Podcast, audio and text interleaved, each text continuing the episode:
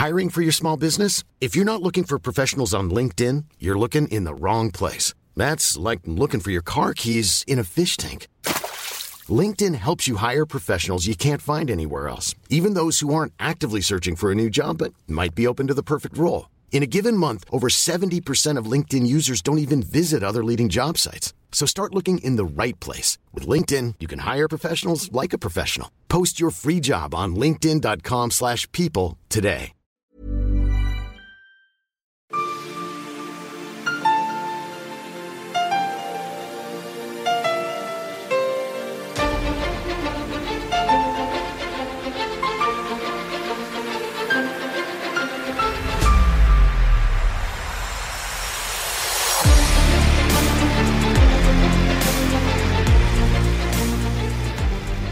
Lyssnar på Militärsnack, podcasten där militära saker blir lätta att fatta.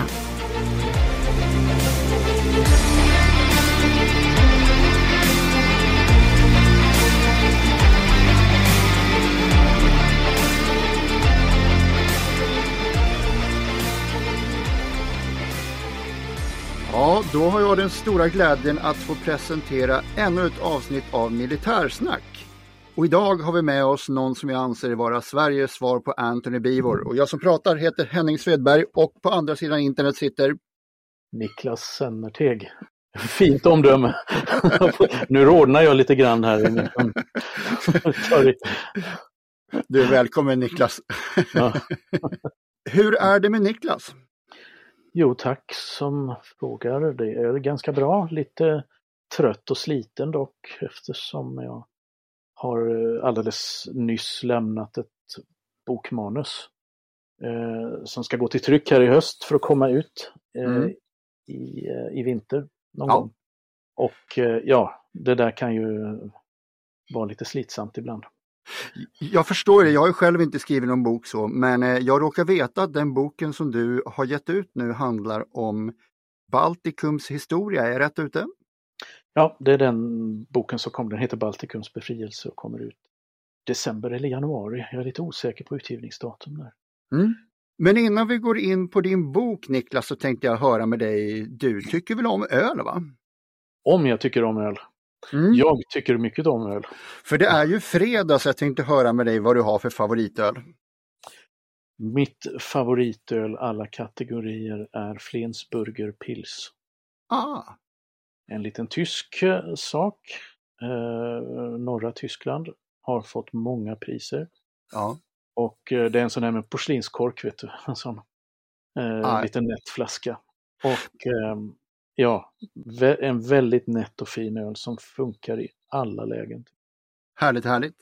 Mm.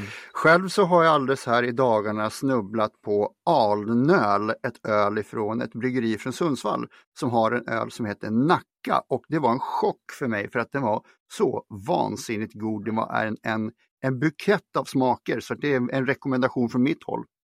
Se där, den hade Mm. jag aldrig hört talas om. Nej, och när vi ändå är inne på hört talas om så tänkte jag att boken som du nu ger ut, ska vi gå in och nosa lite på den vad det är för någonting? Ja, det kan vi ju göra. Den, den heter Baltikums befrielse och den handlar om när eh, eh, de eh, tre små baltstaterna, Estland, Lettland och Litauen, blev självständiga första gången. Alltså 1918 till 1920, det tidsskedet precis när första världskriget tar slut. Men fortfarande det pågår ett stort krig i Europa som idag är ganska bortglömt, nämligen det ryska inbördeskriget.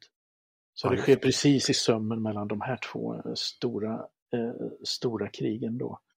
Och eh, det finns ju de historiker som faktiskt har sagt att, eh, som menar att eh, det här eh, första världskriget egentligen eh, tog slut först några år in på 20-talet. Okej, Ehm, och Så man kan ju se det som en helhet. Och just i den revan där när kriget tar slut, när liksom Tyskland, kejsaren ramlar av tronen i Tyskland och eh, eh, Ryssland eh, håller har kollapsat och eh, där pågår inbördeskrig fullt ut. Redan då passar de här små eh, staterna på att eh, bryta sig loss ifrån det ryska imperiet. mm. Och och, försöka, och försöka gå sin egen väg. Och det tar inte lång tid alltså. Ibland är det fråga om veckor, ibland bara dagar efter att man har utropat självständigheten så kommer de ryska trupperna i form av Röda armén marscherande. Mm. Alltså, för min, mm. nu är jag dålig på, på Baltikums historia, men mm. att det blev tre separata länder. Existerade Estland, Lettland eller Litauen före 1920? Ja, alltså inte som statsbildningar.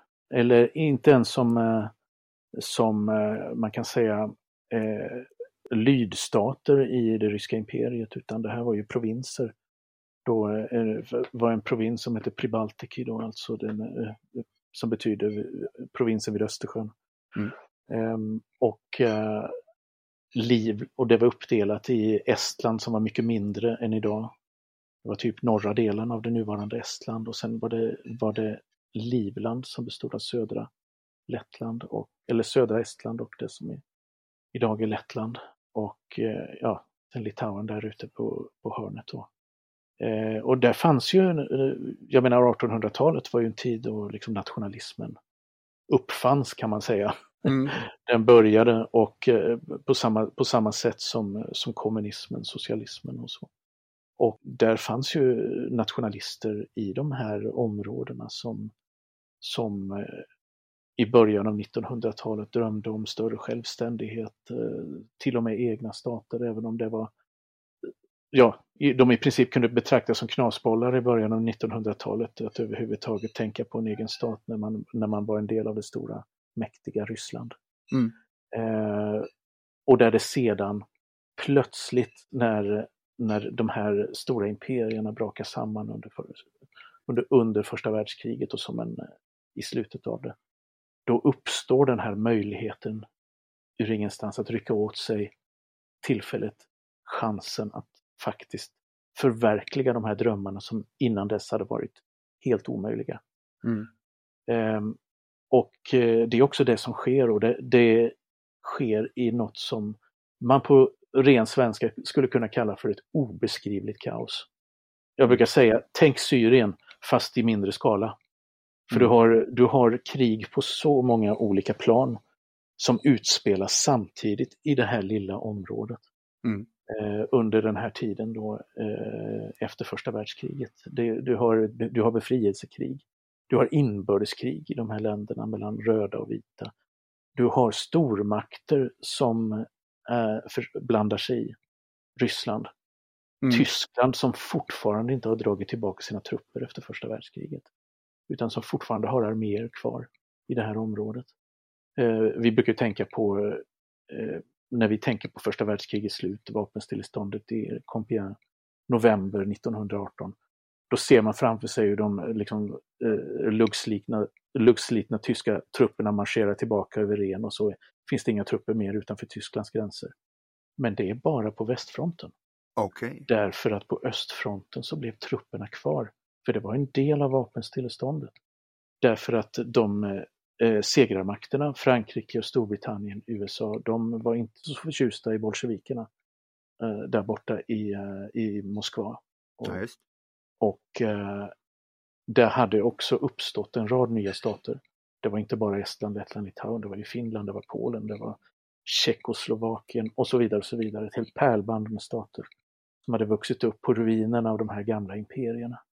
Eh, och för att de skulle få en chans att skapa egna eh, politiska styren, administrationer, egna arméer, så beordrade segrarmakterna mer eller mindre tyskarna att, som hade dittills hade ockuperat stora delar av Östeuropa att låta sina arméer vara kvar tills de hade hunnit ja, organisera sina egna eh, mm. stater och stabilisera dem. Eh, verkligheten blev lite annorlunda för de här trupperna, de vill ju hem till jul. De var ju trötta på kriget också och, så att många, många deserterade, de tog sitt pick och pack och marscherade hem. Eh, men man lyckades ändå från tysk sida eh, behålla en stark närvaro i framförallt Baltikum eh, under ganska lång tid efter, eh, efter eh, eh vapenstilleståndet 1918 och de här trupperna det var dels rester av de reguljära trupper som redan hade varit där. Men framförallt var det frikårer. Alltså beväpnade miliser som organiserades för att eh, ersätta de trupperna som eh, marscherade hem. Och det där blev ju en, ja, en plantskola kan man säga för eh, rörelser som var ganska obehagliga under mellankrigstiden i Tyskland. Framförallt mm. NSDAP. Mm. När du berättar det här så, så, så, så uh, slår det lite ljus på, på, min, jag visste inte om det här, men jag tänkte att 1944-45 var ju Ryssland så rädd att uh, Tyskland skulle sluta en separat fred med västallierade. Och då är det väl det här roten till den tanken? Just det, just det. Där finns ju, där finns ju kan man säga eh, ekon av sånt här då som, som man känner igen från historien när man ser hur, det, hur saker och ting hänger ihop. Mm. Man kan säga att den tyske general som skickades till Baltikum för att hålla ordning på de här trupperna och se till att de gjorde sitt jobb då, han gick istället sin egen väg och eh, ställde till enorma problem för alla sidor. Både för bolsjevikerna, både för segrarmakterna i första världskriget och för de här länderna som ville bli självständiga och som kämpade för sin självständighet. Är det någon ja. person som vi vet senare vem det är i historien? Ja, om man har läst eh, om Finlands historia, eh, inbördeskriget, så vet man vem det är. Han heter Rüdiger von der Goltz, general och eh, gammal preussare ute i fingerspetsarna, hade lett trupper på både väst och östfronten under första världskriget. Och eh, han eh, får sedan befälet för en expeditionsstyrka i Finland 1918, en tysk sådan, och blir eh, i princip då eh, Tysklands, kan man säga, eh, Tysklands man i Finland efter att Mannerheims armé hade besegrat de röda. Och det, då, är, då är det fortfarande fi, första världskriget pågående under de månaderna och man håller på att hala in Finland så att säga i den tyska sfären. Och är, på vippen att tillsätta en tysk prins som kung över, över, över Finland. Väinö den förste. Det är du. Ja, och så, att, så, så han, han, hamnar sedan i Lettland då. Slår upp sitt högkvarter i Lettland efter kriget och blir ledare för de här frikårerna. Och man kan säga begår i praktiken myteri mot den tyska regeringen. Okay. För att uh, befästa den tyska närvaron i, i Baltikum uh, med, med, med, sina frikårer och med hjälp av tyska baroner som, uh, som försvarar sina privilegier, privilegier där. Mm. Jäkla soppa är det i alla fall. Ja, mm. och, och, och när vi är inne på soppa så, så det, det här är ju, har man följt dig och dina böcker, de du har gett ut, så är du ju fortfarande på hemmaplan. För din första bok du gav ut, Stalins hämnd, den utspelar sig på det som vi populärt kallar för östfronten, andra världskriget. Eh, det som hände i Tyskland på, eh, på den sidan. Mm. Och många av dina böcker handlar om nazism, det handlar om kommunism, det handlar om eh, eh historia och eh, informationskrig och liknande. Mm. Så att du är ju kvar i ditt hemmaplan med din senaste bok. Ja, ja, på sätt och vis är jag nog det, ja. ja. Det kan man faktiskt säga. Kommer aldrig ur det där Nej. träsket. Som man säger. Ja, men det, det, är, det är fasligt intressant, det är det. Och framförallt jag själv har ju, har ju ett eh, okurerat, utan jag har ju liksom, ja. det har ju fått växa sig vilt i andra världskriget och sen fluktuerar, fluktuerar mm. där i om det flyger stridsvagnar med, med tid. Ja, just det. Men eh, eh, jag tänkte själv, du började ju skriva som, ehm, du är ju journalist och har pluggat ja. en, en del eh, både ekonomi och historia. Ja, just, just det. Det börjar ju där. Jag, jag, jag, ehm, det, det är sånt där som man först vågar säga efter ganska många år i yrket, att man blir journalist av helt fel orsak. Okay. Jag trodde det var en genväg till att skriva böcker. Okej. mm. så att, eh, så lite så var det, när man inte kunde bli utrikeskorrespondent för att det var lite för hård konkurrens om de jobben.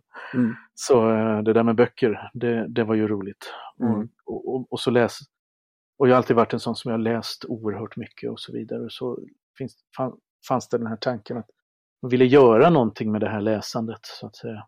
Mm. Låta det ta vägen någonstans.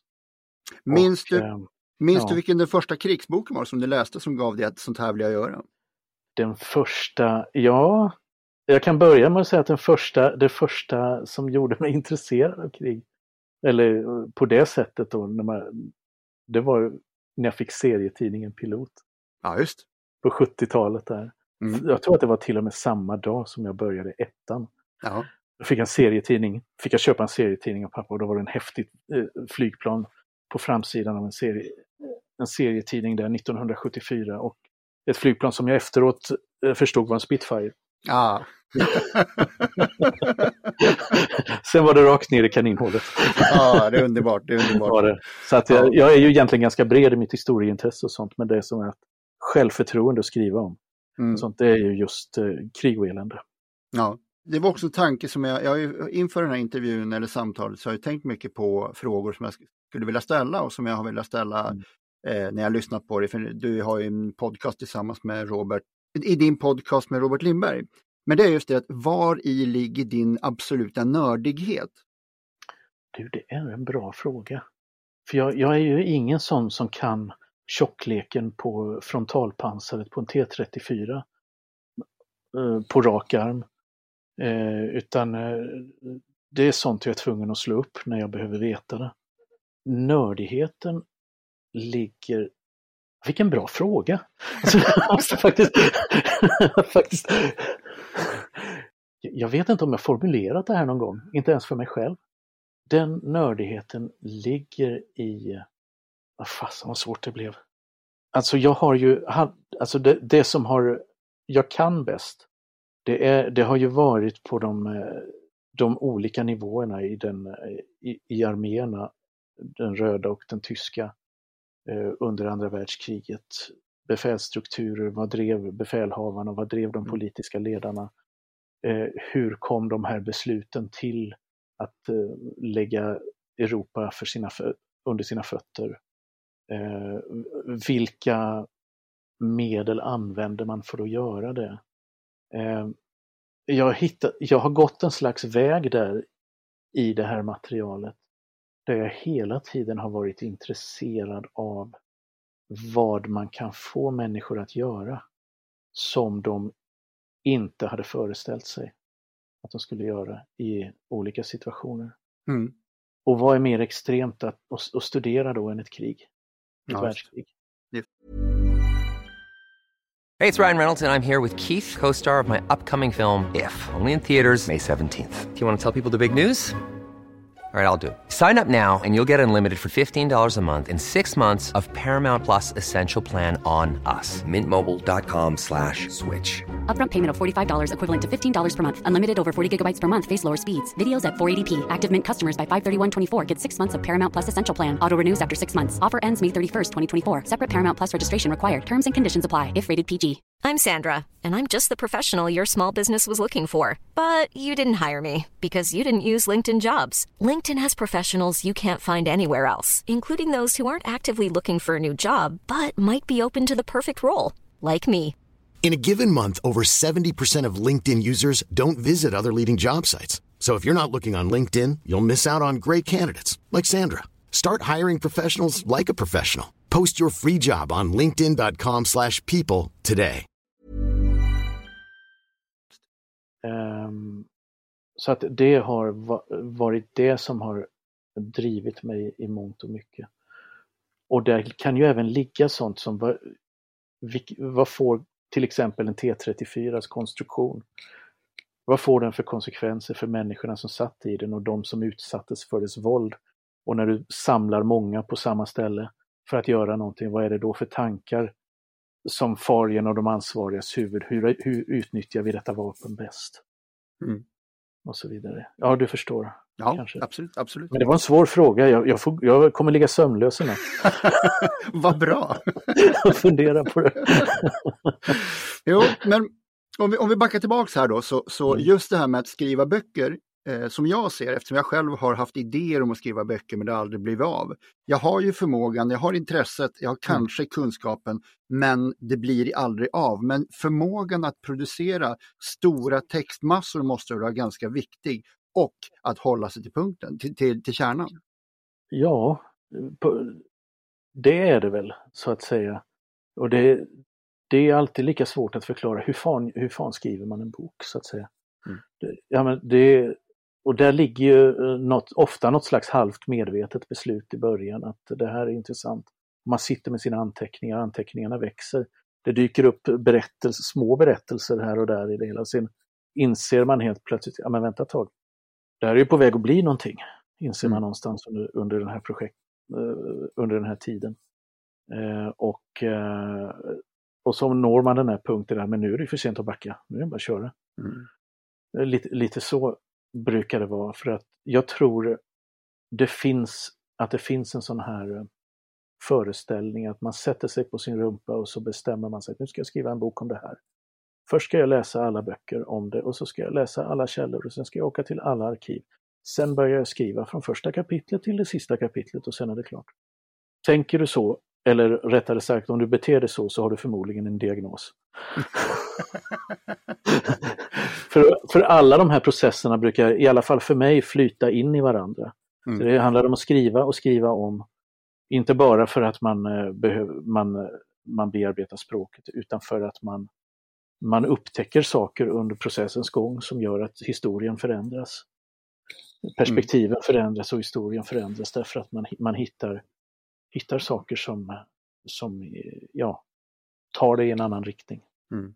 Du får det lite att låta som att de på Bundesarkiv inte längre ber visa legitimation. de ber en alltid att visa legitimation. det är alltid lika, lika besvärligt med pappersarbetet varje ja. gång. Så att de är väldigt formella. Men ja. man, kommer man, när man väl har kommit in och så att säga blivit godkänd och de gillar ens utseende den här gången, då är det, mm. då är det ofta Sesam öppna dig. Mm. Men, men jag får en känsla också av att du, du säkert har en himskans massa eh, påbörjade böcker och, och, idéer som ligger i travar som att hmm, här har vi eh, vad som hände på kanske Normandies stränder eller vad det nu kan vara som, som ligger och... Absolut, sådana finns det gott om. Det gör det. Man vadar ju genom en massa oavslutade idéer, idéer som man vet ja, det här kommer aldrig bli av och andra som man fortfarande sparar och tänker att ja, men någon gång så mm. ska jag ta tag i det här. Och, och, och sen det som havererade som inte höll naturligtvis, det finns ju också. Får jag fråga, du måste inte mm. svara, men vilken är din fortfarande vilande bokidé? Favoriten? Du får formulera om det till vilka är mina vilande bokprojekt? Ja, då gör jag, jag det. Skojar. jag bara skojar. Nej men eh, en bok som jag gärna vill, skulle vilja skriva eh, den handlar om Normandie. Den handlar om den tyska sidan. Att se, se invasionen ur perspektivet från en av de tyska divisionerna som kom i vägen för, för invasionsstyrkorna på det dagen. Eh, och där, har, där, finns det, där finns det faktiskt gott om källor. Eh, och, eh, och, för att just kunna bygga upp det här minut för minut nästan när, när eh, eh, det så att säga bilden klarnar för de här soldaterna på plats befälen på plats att det här, det här är den tyska, eller den allierade invasionsflottan och den är på väg rakt mot oss. Mm. Antingen så, så känner jag det alldeles för bra eller så var det en osannolik lyckträff att jag just gissade på dagen D när jag sa att vilket det skulle kunna vara. ja, precis. Great minds think alike. Jo, men ja. det, är, det är faktiskt en, eh, och, och det, det, har stått lite mellan den, den 716 divisionen och den 352 divisionen. Fascinerande. Ja, så att eh, det, det, är en idé som ligger där och som när man snubblar över någonting så att, ja, då hamnar det i en speciell mapp i datorn. Så att säga, ja men det här sparar vi till sen. Mm. Jag gissar ju att när man har ett fokus på sina böcker. Allting handlar om krig, det handlar om en snäv bit av historien där tyngdpunkten ligger. Stöter du ofta på att människor tror eller tycker att du är en krigsgalning? Ja, det var nog mer för en massa år sedan ehm, eh, som man som det hände lite då och då att man stötte på människor som fick en bekymrat deltagande blick. Mm. Eh, eller, eh, eller när man börjar märka på frågorna att vänta ett tag, de tror nog att jag har en Gestapo-uniform hängande på vinden eller mm. någonting. Det förekom, det, det har jag nog inte mött så mycket på i alla fall de senaste tio åren, men innan dess, ja, då hände det. Mm. Att, eh, att man blev ifrågasatt. Liksom, varför håller du på med sånt? Och där ens motiv ifrågasattes och man var mm. tvungen att förklara sig hela tiden. Och, eh, och jag, jag, jag kommer ihåg att det, det, hände till och med, jag ska inte säga vem det var, men det är en ganska känd historiker som, eh, som eh, jag blev presenterad för en gång och som fullständigt bara avfärdar med att åhå, yes, när, när jag hört vem jag var och vad jag hade skrivit, jaha, ännu en krigsboksförfattare. så var det inte mer med det. Ja. Ja, nej men sånt händer. Ja. ja. Jag skulle inte se det som helt orimligt att tänka att du kanske hade en sån uniform hängande, men jag tror att skälet därtill är ett annat än vad den som tror det tror. Ja, i så fall så hade den förklaringen hade jag kunnat köpa om jag nu hade haft den. Sån uniform hängande, vilket jag inte har. Nej, nej, nej, nej, nej. Men, eh, men eh, den förklaringen kan jag köpa. Mm. För, det, för, det är ju, för det är ju så alltså att när man håller på och skriver om sånt här, eh, sådana här saker i ett historiskt skede så kan man stöta på föremål ibland som man kanske införskaffar och som kan fundera, fungera som ett fokus för tanken på något sätt. Mm. När man håller på. Så visst kan det vara så. Mm. Så att jag, jag, hade en hjälm, jag hade faktiskt en tysk hjälm en gång som kom från, eh, från Königsbergsområdet. Okej. Okay. Mm. Kaliningrad. Mm. Så att eh, den vet jag, den, den fungerade som ett slags tankefokus. Ja, det är lite svårt att förklara, låter lite flummigt kanske, men, men lite så. Ja, nej, men jag, jag tror, jag, jag, tror jag förstår. När, du, du, dels så jobbar du då som journalist. Mm. Och sen så har du ditt, eh, jag vet inte hur många timmar i veckan du lägger ner på att eh, eh forska till dina böcker och att skriva det du har forskat. Men du har ju där, eh, som sagt podcasten Fronten. Ja. Den, den, måste ju också ta en massa tid att eh, läsa på till avsnitt och även spela in. Och den som tror att ett en, en timmes långt ut, uppspelat podcastavsnitt är en timmes inspelat har inte förstått så mycket av hur det är att spela in ljud. Nej, det tar ganska mycket tid allt sånt. Det gör det verkligen. Och, eh, Man får ha en snäll är... hustru. Ja, precis. precis. Nu är jag i den lyckliga positionen att den som, den som eh, när det gäller vår podcast så är det vår, min kollega Robert som tar det tyngsta ansvaret för teknik och admin och den biten. Mm. Um, och det var, det var helt enkelt så att idén till den podden, den var, den var hans från början. Mm. Uh, vi, vi var gamla kollegor, vi hade jobbat ihop en gång på, uh, i radiovärlden. Mm. Och uh, han ville göra en podd, han var intresserad av, av just krig och pop i populärkultur och eh, en del moderna konflikter. Han visste ju att jag var lite mer mossigare eh, i mitt, mina intressen. Så att han slog klorna i mig och, eh, och eh, det här var i ett skede med ett annat bokprojekt och jag, var liksom över, överho lite överhopad och liksom tänkte nej, fara, jag vet inte om jag klarar att hålla på med en grej till. Mm. Även om jag, det var, liksom, det var en jättekul liksom, idé. Och, och då sa ja men jag tar, jag tar, eh, jag tar de tunga bitarna. Mm. Och sen, eh, sen eh, har vi fortsatt så. Vilket jag är mycket tacksam för, för jag får bara göra det roliga. Ja. jag, jag Robert, att... Robert är en klippa. Ja, jo, ja, men ni, ni är mm. jättebra och absolut mm. så, så har jag lyssnat på, mm, jag vet inte hur många avsnitt ni har gjort totalt och jag tror att jag har lyssnat på samtliga. Men det, för mig har det varit en av de poddar som har drivit mig till att vilja ha en podcast själv. Vad roligt att höra. Mm. Vad kul att höra. Det är jättespännande att, det, att också att det har kommit några stycken då, din och, och sen eh, är det ju några till där som har, har dykt upp på sista, sista, sista åren. Mm. Mm. Så det, det, är liksom kul att det, det, får, det dyker upp och man kan relatera till varandra och kolla, jaha, vad, vad har de på gång nu? Liksom, ja, vad Mm. kul! Mm. Man lyssnar. Så att det, det, ja, det är jätteroligt. Ja, Och den, Eh. din podd är jättebra. Liksom. tack. Ja. Jag tänkte tillbaks till här. Din nya bok om Baltikums befrielse kommer nu alltså runt årsskiftet. Mm. Och den kommer som, så, alltså normalt ställer man frågan var finns den att köpa och i ditt fall så kommer svaret bli överallt där böcker säljs. Ja, just det. Just Mm. det. det. Det är så. Och det, det, det var ju så att när vi... Eh, jag ska säga det att jag är inte ensam att skriva den. Vi är, jag har en kollega, Tobias Berglund, historiker. Eh, vi, vi skrev en bok för några år sedan om just finska inbördeskriget Mm. 1918. Och det, den här nya boken om Baltikum är liksom en fristående spin-off kan man säga av den boken. Eh, just för att det, det är så så många människor som har så lite koll på det här trots Mm. att det är vår gemensamma Östersjöhistoria.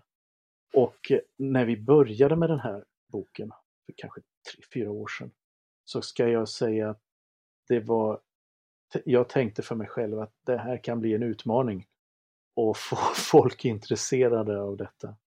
Men sen har det ju hänt saker i Ukraina Det har ju det. Vi har inte som ger ett eko liksom av det här som jag gör. Att jag tror att det här kommer, den kommer finna sina läsare. Mm.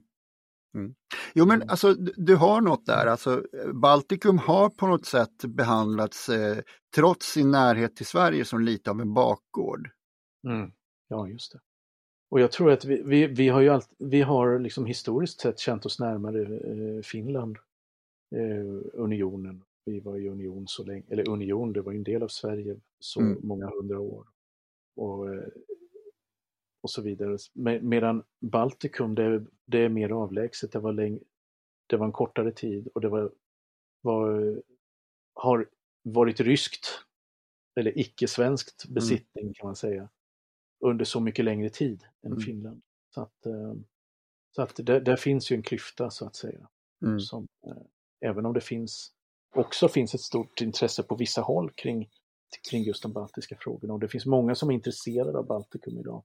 Som känner på våra breddgrader, känner sig en stor solidaritet med de baltiska staterna och eh, genuint intresse för vad som pågår där. Men som ändå inte har speciellt mycket koll på historien, Nej. 1900-talsdelen av den. Men det, alltså, fortfarande så, så de, de baltiska staterna där är ju, är ju så pass nära och är också förbundna med oss i historien på ett sätt som, som vi kanske borde eh, lyfta lite mer. Men för bara 300 år sedan var ju en av Sveriges största städer Riga. Ja, exakt, exakt. Det vet jag många som fortfarande blir för, eh, förvånade när man säger Mm. att, det, att det var så. Mm. Och, ett av Sveriges äldsta universitet, det var ju Tar- Tartus. Tartu, ja, just. Mm. Precis. Ja. Så eh, det, det finns mycket som, eh, som binder oss samman där. Och, eh, och när, när man ser på det här mönstret med stater som vill göra sig fria och den stora grannstaten, det, sönderfallande imperiet som fortfarande försöker behålla greppet. Mm. Vidare. Det, det, och det var hundra år sedan. Nu händer det igen. Mm. Mitt i Europa. ja, det är bara att hoppas att det här får ett så bra slut som möjligt så snart som möjligt. Ja, precis. precis. Ja, ehm, vi har ju en eh, programpunkt till här. Du har ju fått eh, vara lite stand-in för eh, löjtnanten som är på älgjakt. Och jag Ja. tänkte du skulle få ta min programpunkt med den här dagen i historien och jag tror att du kanske kan göra lite mer galant än vad jag brukar göra. Oj!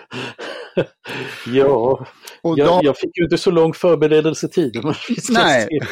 Men du, du kan så mycket mer och 14 oktober pratar vi om och du får välja vilket år och vilken händelse du vill i historien. Ja, men ska vi inte slå till då med den 14 oktober i nådens år 1943? Ja, Och vi förflyttar oss till mellersta Tyskland och en liten stad som heter Schweinfurt ah. som har, hade och har även idag kullagerindustrier. Och det var ju, kullager var ju en viktig, eh, en viktig vara i en krigsindustri. Mm. För att utan kullager så finns det inget som rullar. Och det, Schweinfurt blev ju därför ett givet bombmål under andra världskriget för eh, de amerikanska flygstyrkorna. Eh, som försökte slå ut den här nyckelpunkten i produktionskedjan. Eh, och det här, det här var ju när de amerikanska flygstyrkorna hade börjat uppträda i stora, stora förband. Man flög på dagtid från amerikansk sida då eh, med sina flygande fästningar. Eh, och där man inbillade sig i början att man skulle kunna flyga in ostraffat utan jakteskort. Det gick inte. Det gick inte så bra det där. Nej. Och eh, det skedde en serie räder över Schweinfurt hösten 1943 som orsakade amerikanerna så pass stora förluster att om man hade fortsatt hade det inte funnits något amerikanskt bombflyg kvar. Och just den 14 oktober 1943 så inträffar det som kallas den svarta torsdagen, Black Thursday. Nu snackar vi inga rea-grejer liksom. Det, här är, Nej. det, här, det här är den andra Schweinfurträden. Mm. Eh, då, som eh, mellan den amerikanska åttonde luftflottan och eh, Luftwaffes jaktflyg. Då. Mm. Och, eh, man hade alltså man hade börjat den här eh, offensiven då redan med strategisk bombning mot, eh, mot kullager. Eh, man hade haft vissa, man trodde att man hade haft vissa framgångar under den första räden. Och att man hade slagit ut en tredjedel av kullagerproduktionen och det var kanske ganska, det var nog eh, överdrivet, en överdriven eh, underrättelsebild man hade där av hur effektiva man hade varit. Mm. Eh, Men det dröjde innan man, uppföljningsräden kom då, det dröjde flera veckor innan man, man tog fart på nytt mot, mot Schweinfurt. Eh, Efter att ha så att säga eh, slickat såren efter den första räden. Och man skickar alltså in nästan 300 flygande fästningar. Och av de här så förlorar man 60 stycken i en enda räd. Och det är då gånger 10 besättningsmän i varje Det är exakt, exakt där kring 8-10 man. Och eh, 17 stycken som tog sig hem, utöver de här som man förlorade som blev nedskjutna. Så var 17 stycken så svårt skadade att man måste skrota dem. Och ytterligare 121 var illa tilltygade i, ja, i eh, ja, varierande grad kan man säga Mm. av, eh, av luftvärnseld och eh, det tyska jaktflygets eh, attacker. Så att du kan ju tänka dig alltså Mm. enorma skador på en enda räd. Mm. Vi, vi snackar om att halva, eh, mer än halva styrkan är eh, utslagen, helt utslagen eller under reparation. Och man förlorade då i, i besättningar 650 man. Mm. Och då var ungefär 2900 man som deltog i, i räden, så det var femte besättningsman. Helt vrickat. Ja. Så att eh, det här var ju, eh, det skedde ju ytterligare några räder och även Sverige blev ju indraget i det här eh, på sätt och vis för att vi, vi SKF i Göteborg eh, producerade kullager varav en del levererades till Tyskland och eh, man fick ju motta ett amerikanskt hot. Fortsätter ni leverera kommer vi bomba SKF i Göteborg. Och det skedde i samband med den här offensiven mot, eh, mot eh, kullagerfabriken Mm. i Tyskland. Då. Och ehm, eh, till slut då efter några räder så, så fick man ställa in helt enkelt offensiven. Låta de kvarvarande flygande fästningarna och Liberator-planen stå kvar på marken. I väntan på att man skulle få fram leveranser med dugligare jakteskort. Mm. Nämligen P51 Mustang. Mm. Som hade betydligt längre räck, räckvidd, betydligt bättre manöverförmåga än, än de tidigare, tidigare Thunderbolt-planen. Mm. Så att det här var ju, eh, och, då- och då är vi framme under 1944 när, när man återupptar eh, bombräderna igen och, eh, och eh, utsätter det tyska jaktflyget för en enorm chock. Mm. När de helt plötsligt får, får eh, Mustang planen att, eh, att handskas med. Och Mm. eh, så småningom då under 1944 så, så knäcker man knäcker amerikanerna ryggraden på det tyska jaktflyget. Mm. Men det är en annan historia som du brukar Det, det är en annan historia. Det var, det var nog hittills den bästa, den bästa programpunkten eh, i, i det här, eh, den här dagen i historien hittills. Jag får tacka verkligen för, för, för just den. Ja, nu, nu reservation då, liksom att jag, nu har jag skjutit från höften. Så att, Ja, men det, det är härligt, det är härligt, det är härligt. Ja. Då tänkte jag bara, vad skulle du i en programpunkt som vi brukar ha? Då, då säger jag så här, vilken skulle du av dina böcker skulle du helst vilja se filmatiseras? Oj, hjälp. Då är frågan vilken som skulle fungera och filmatisera. Oj. Ba baseras på dem. Ja, precis. Ja, det, det vore ju Berlin 1945, alltså nionde arméns undergång. Mm. Den, hade jag velat, den hade jag velat se filmen. Det hade blivit ett episkt skådespel för att använda Ja. Ja, ska Ja. man säga så här, man hade fått ta 200 000 statister och skarp ammunition så man slipper betala dem så, så mycket. Ja, vilken bok skulle du vilja skriva då? Jag, jag är så inne på så nära det du var här med Schweinfurt. Jag skulle vilja beskriva livet för en, en pilot i Luftwaffe, en 109-pilot, hur det kunde vara från dagarna då man anföll Polen 1939, hur det utvecklade sig sen. Skillnad mellan öst och västfront när man slogs mot Hurricanes och Spitfires och sen hur det bara blev tyngre och segare och värre och mörkare ända fram till de sista dagarna när det kanske fanns bara tio stycken Messerschmitt kvar i, riket att flyga. Mm. Ja, vad väntar du på? Det låter ju jättespännande, sätt igång! Ja, ja, Det Nik- är en jättebra idé. ja. Niklas, det har varit Mm. ett jättestort nöje att ha dig här. Ja, men tack så mycket för att jag fick vara med. Ja, det, det var glädjen är på våran sida. Ja, med det så tackar vi väl för idag Niklas. Ja, tack så mycket. Ja, ha det bra, hej hej! Ja, hej, hej!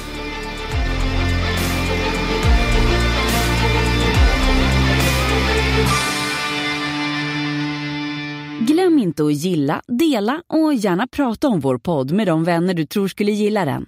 Tack!